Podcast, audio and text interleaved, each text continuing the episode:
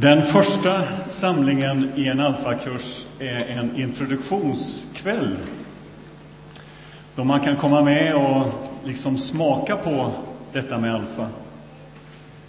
Eh, och då är temat kristen tro tråkig, osann och irrelevant? Frågetecken. Och det är temat för det här föredraget. Eh, Eh, för väldigt många så är kristen tro förknippad med någonting som är osant, som är irrelevant och som är tråkigt. Och du kanske har som jag eh, skrattat många gånger åt den här filmen med Mr Bean när han kommer till kyrkan och ska eh, möta den här främmande världen och ingenting stämmer. Han hör inte vad som sägs och han har svårt att sjunga med i psalmerna. Och kanske du har haft det här idag också, jag vet inte. Det är liksom en främmande värld. Och han somnar ju så småningom på golvet där framför i kyrkan. Eh, och kanske det är så att man liksom förknippar just detta med tron och kristen, kristendom med någonting som är tråkigt. Någon sa till mig en gång så här, Ingemar, hur kan du som är så trevlig vara kristen? Alltså, det gick inte ihop på samma gång. Eh, förhoppningsvis så är man ju både, båda dera. Och jag har många gånger mött människor som har kommit i kontakt med kyrkan på olika sätt, som har visat upp en positiv och överraskande förvåning över den, det som man har mött i kyrkan. Alltså, var det så här? Det trodde jag inte. Eh, många identifierar kristen tro med förbud, eh, med allt som man inte får göra. Och någon sa så här en gång på frågan Vill du bli en kristen? Nej, jag har tillräckligt med bekymmer ändå. Än att också jag skulle ta på mig den bördan, eller det bekymret. Många upplever det tråkigt. Andra upplever det osant. Visar inte vår historia vilket elände som religioner och kristen tro har ställt till med? Är inte det bevis nog för att detta inte är sant? Jesus som Guds son, Jesus som världens frälsare, det är ju någonting som i sig själv är en motsägelse. Hur kan man påstå att en enkel man från Nasaret, en snickarson i en avskild del av Mellanöstern, att han skulle ha ett inflytande över mänskligheten? Visst kan en person ha historisk betydelse, men att han skulle ha avgörande betydelse för vår existens, vårt öde, våra liv, och till och med evigheten, det är ju helt absurt och osant. Och dessutom, inte minst med tanke på det som händer just nu i vår tid, hur kan man tro på en god Gud i en värld där som det ser ut som det gör? Och den frågan återkommer vi ofta till i en alfakurs. Andra upplever eh, detta med kristen tro som irrelevant. Alltså, hur kan någonting som skedde för så länge sedan ha betydelse för oss här och nu? Vi lever ju i en annan tid, i ett annat samhälle än vad man gjorde då. Det som då skedde saknar ju relevans här och nu. Jag lever mitt liv här och nu. De levde sina liv då, i den situationen och i den tiden. Och att påstå att det har betydelse och relevans för oss, det är nonsens. Och kan inte göra någon som helst skillnad för mig här och nu. Det finns alltså inga beröringspunkter för mitt liv. Hur närmar man sig då de här frågorna, de här påståendena och de här invändningarna? Hur finner man någon rätsida på de här anspråken som kristen tro faktiskt gör. Och jag påstår att man måste rikta fokus eh, mot den kristna trons centrum. Och det är Jesus. Eh, Jesus Kristus är liksom det själva fundamentet, centrum, navet i den kristna tron. Det är med honom som allt står och faller. Den kristna trons anspråk och betydelse för oss, det handlar inte om lärosatser. Det handlar inte om teser. Det handlar inte om kunskap eller hur duktig jag är, utan det står och faller med Jesus som person. Och det är där som en alfakurs tar sin utgångspunkt. Vem var han? Vad gjorde han? Vad sa han för någonting? Och så ser vi grundligt på den kristna trons förutsättningar. Och det är här som stötestenen eller det provocerande framträder i kristen tro. Därför att Jesu framträdande och Jesu liv var en chockupplevelse. Bland dessa judar som eh, trodde på en Gud framträder plötsligt en som går omkring och påstår sig vara Gud själv. En som säger att han kan förlåta synd. En som påstår att han alltid har funnits. En som påstår att han ska döma den här världen en gång. Och att han är den avgörande skillnaden mellan liv och död och tid och evighet. Och här kommer det då invändningar. Alltså, vi kan gå med på att Jesus var en god lärare, en god människa, en god retoriker, en bra pedagog, en vishetslärare med goda ideal. Men kom inte och påstå att han var och är Gud och att han nu har avgörande betydelse för oss här och nu. 2009 i Göteborg. Att han skulle vara den genom vilket allt i tillvaron på något sätt står och faller. Det är strunt, det är dåraktigt, det är vansinne, det är oförnuftigt att tro på någonting sånt. Och det är här som alfakursen kretsar. Det är här som vi landar i våra samtal. Vi lyssnar på hans påståenden. Vi ser på argumenten, vänder dem upp och ner, lyfter på stenar och tittar. Vad handlar det här om egentligen?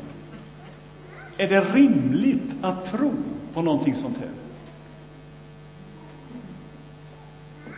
C.S. Lewis, eh, engelsk författare som har bland annat skrivit Narnia-böckerna. Eh, han var tidigare ateist blev, blev kristen och har skrivit en, en rad böcker om kristen tro.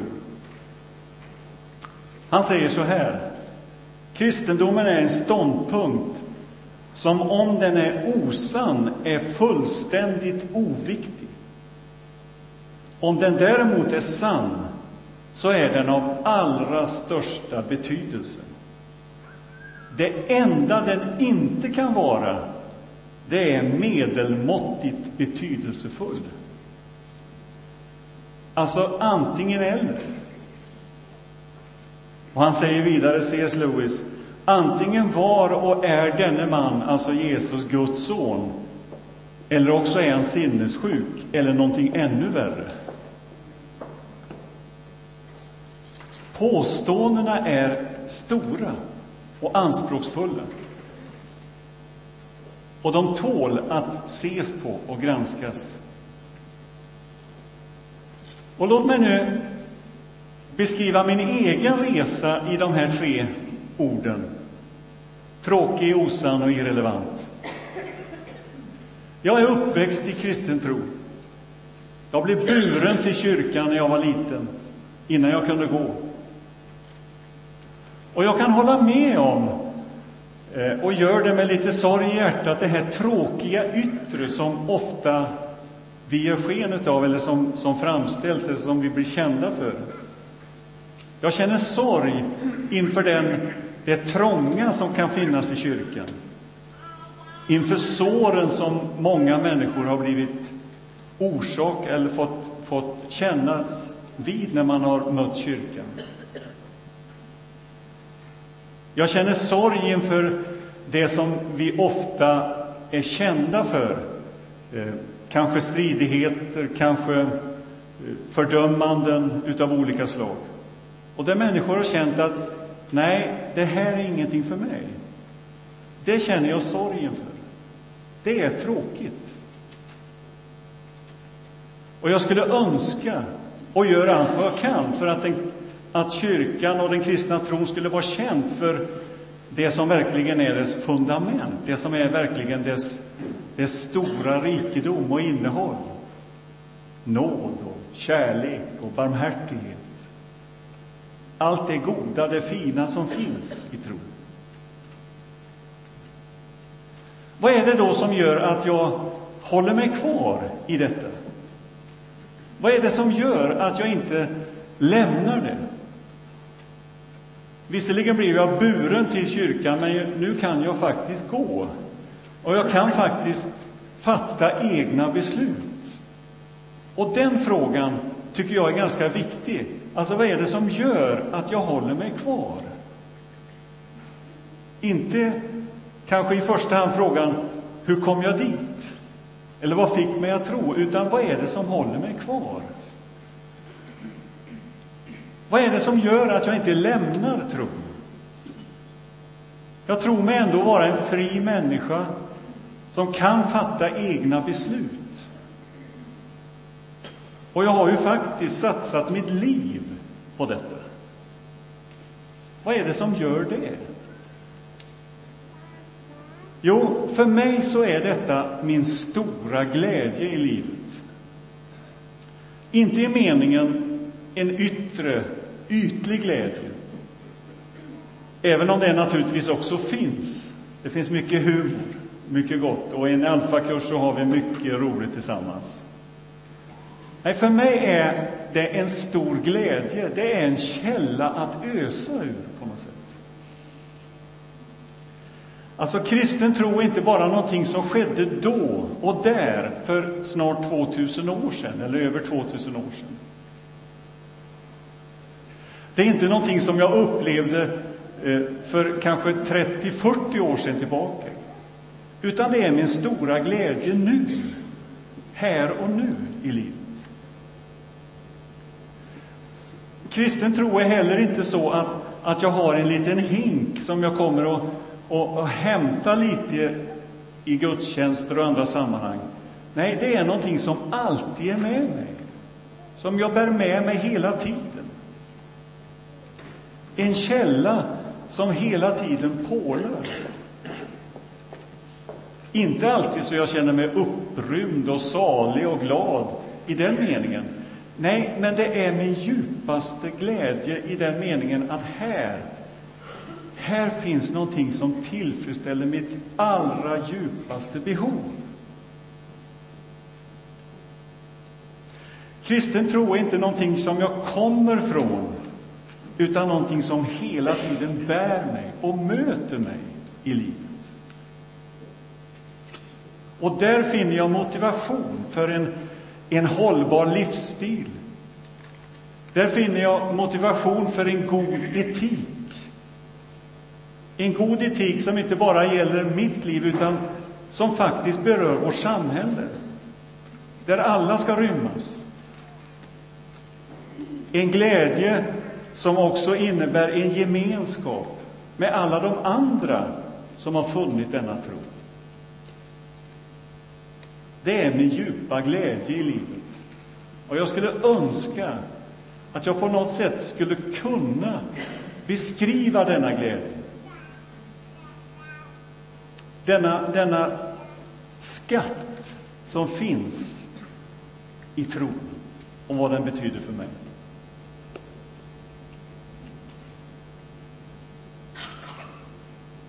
För det andra så är den för mig den stora sanningen med stort S. När vi talar om sanningsbegreppet så, så tänker vi ofta så här att ett plus ett, ja det blir två, det är sant. Men om man talar, man kan ju tala om sanning på andra sätt också. Jag slog upp det där ordet inför den här eh, predikan och, och det står så här. Sanning definieras i ett mått på hur väl ett påstående överensstämmer med de förhållanden det beskriver. Ingen utav er blir kokad för det. Alltså ett mått på, ett påst på hur väl ett påstående överensstämmer med de förhållanden det beskriver. Alltså, sanningshalten ökar på något sätt med tiden. Och så är det, precis så, att Jesus aldrig upphör att fascinera. Alltså, Jesus är omistlig för mig. På tal om sanning så sa Ronald Reagan så här i samband med Watergate-skandalen. Han sa så här. Jag ljög inte. Jag sa bara sånt som senare visade sig vara osant. Och för mig är det precis tvärtom. Alltså, Jesus övertygar, växer i förtroende och tillit, tillit allt eftersom. Ju mer jag lär känna honom, ju större blir behovet och kärleken till honom.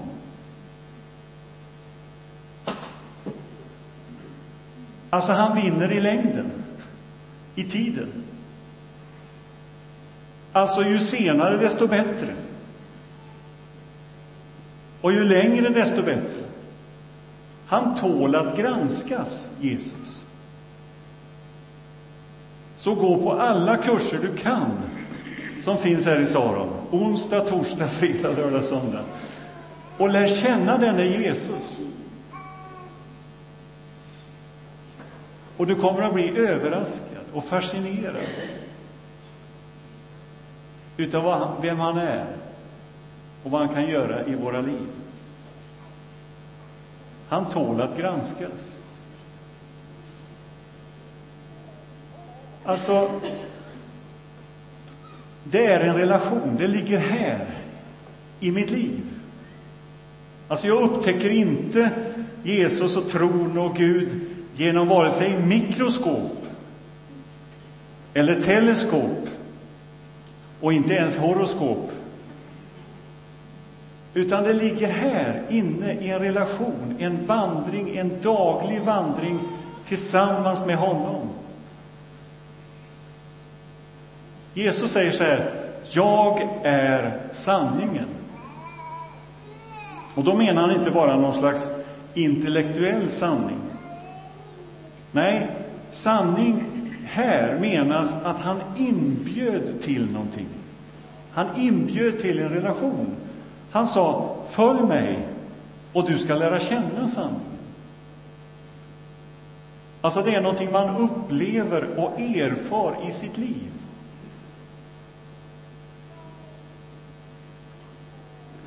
Om jag ska beskriva för er min fru, Anna-Lena, så kan jag göra på två sätt.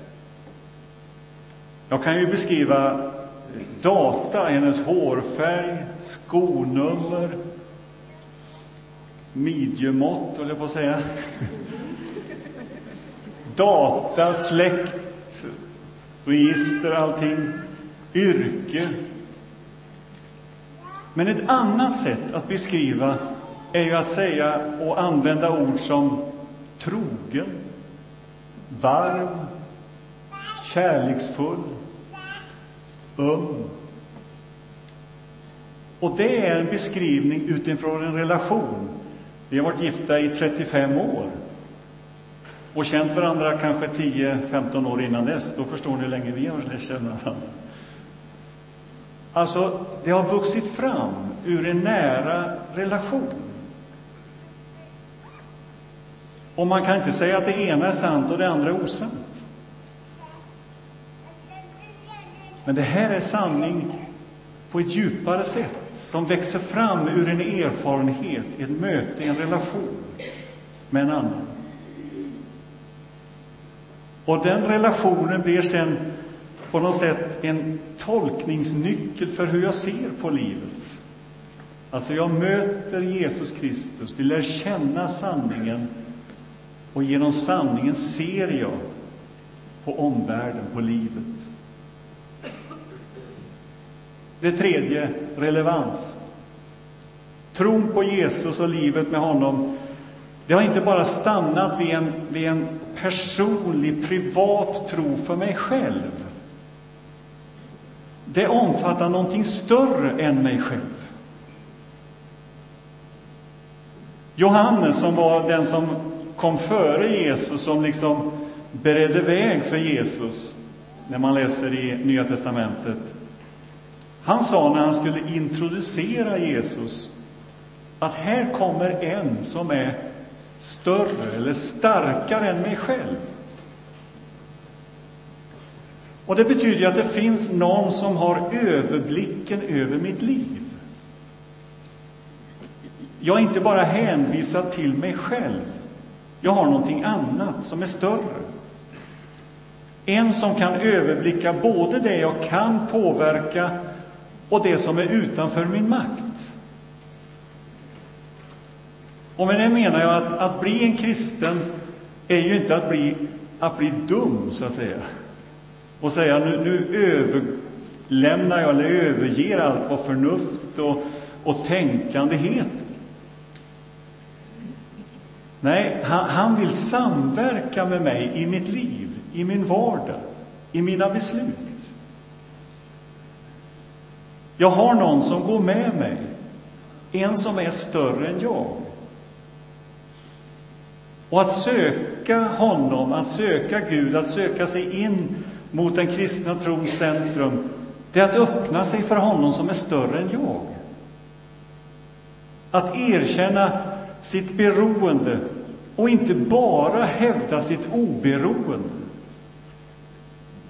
Och jag skulle vilja påstå att, att det kanske är den största och finaste egenskapen man kan ha, nämligen detta att vara beroende av någon. Gå inte på detta att, att det är starkast att vara oberoende. Att inte förlita sig på någon. Det basuneras ut väldigt tydligt idag. Men att säga med ödmjukhet och med en längtan efter att få liksom tillvaron att gå ihop. Det finns någonting som är större än mig själv. Efter mig, sa Johannes, kommer en som är större än jag. Det är denne Jesus som vill gå med oss. Och om kristen tron berör mig, Ingemar Fager, som finns nu, här och nu, i den här tiden, en människa som vilken annan människa som helst, ja, då kan den ju också ha beröringspunkter för alla andra människor. Då kan den ha beröringspunkter för, för din vardag, för din dröm, din längtan. Eftersom vi alla är människor med samma grundläggande behov utav tillhörighet, behovet utav gemenskap, behovet av livsmening. Och vidare så har det för, för mig då visat sig att detta med tron har relevans inte bara för, för detta livet utan också för evigheten. I mötet med döden.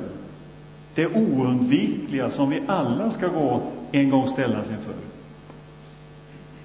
Alltså Jesus har levt hela den sträckan som en människa kan leva. Han har mött alla de situationer och sammanhang som en människa kan möta. Han var en av oss. Han föddes in i den här världen. Han levde genom hela livet, hela sträckan, fram till döden. Och sen uppstod han från de döda. Och det ger mig hopp. det ger mig relevans, det ger mig innehåll. Det ger mig trygghet i livet. Och till det inbjuds, inbjuds vi alla att bli delaktiga i. Och denne Jesus, det är han jag tror på. Och det är honom vi delar tron på och gemenskapen i. Det är honom allting kretsar. Och till denna, detta liv, denna relation med honom inbjuds vi alla att bli del utav.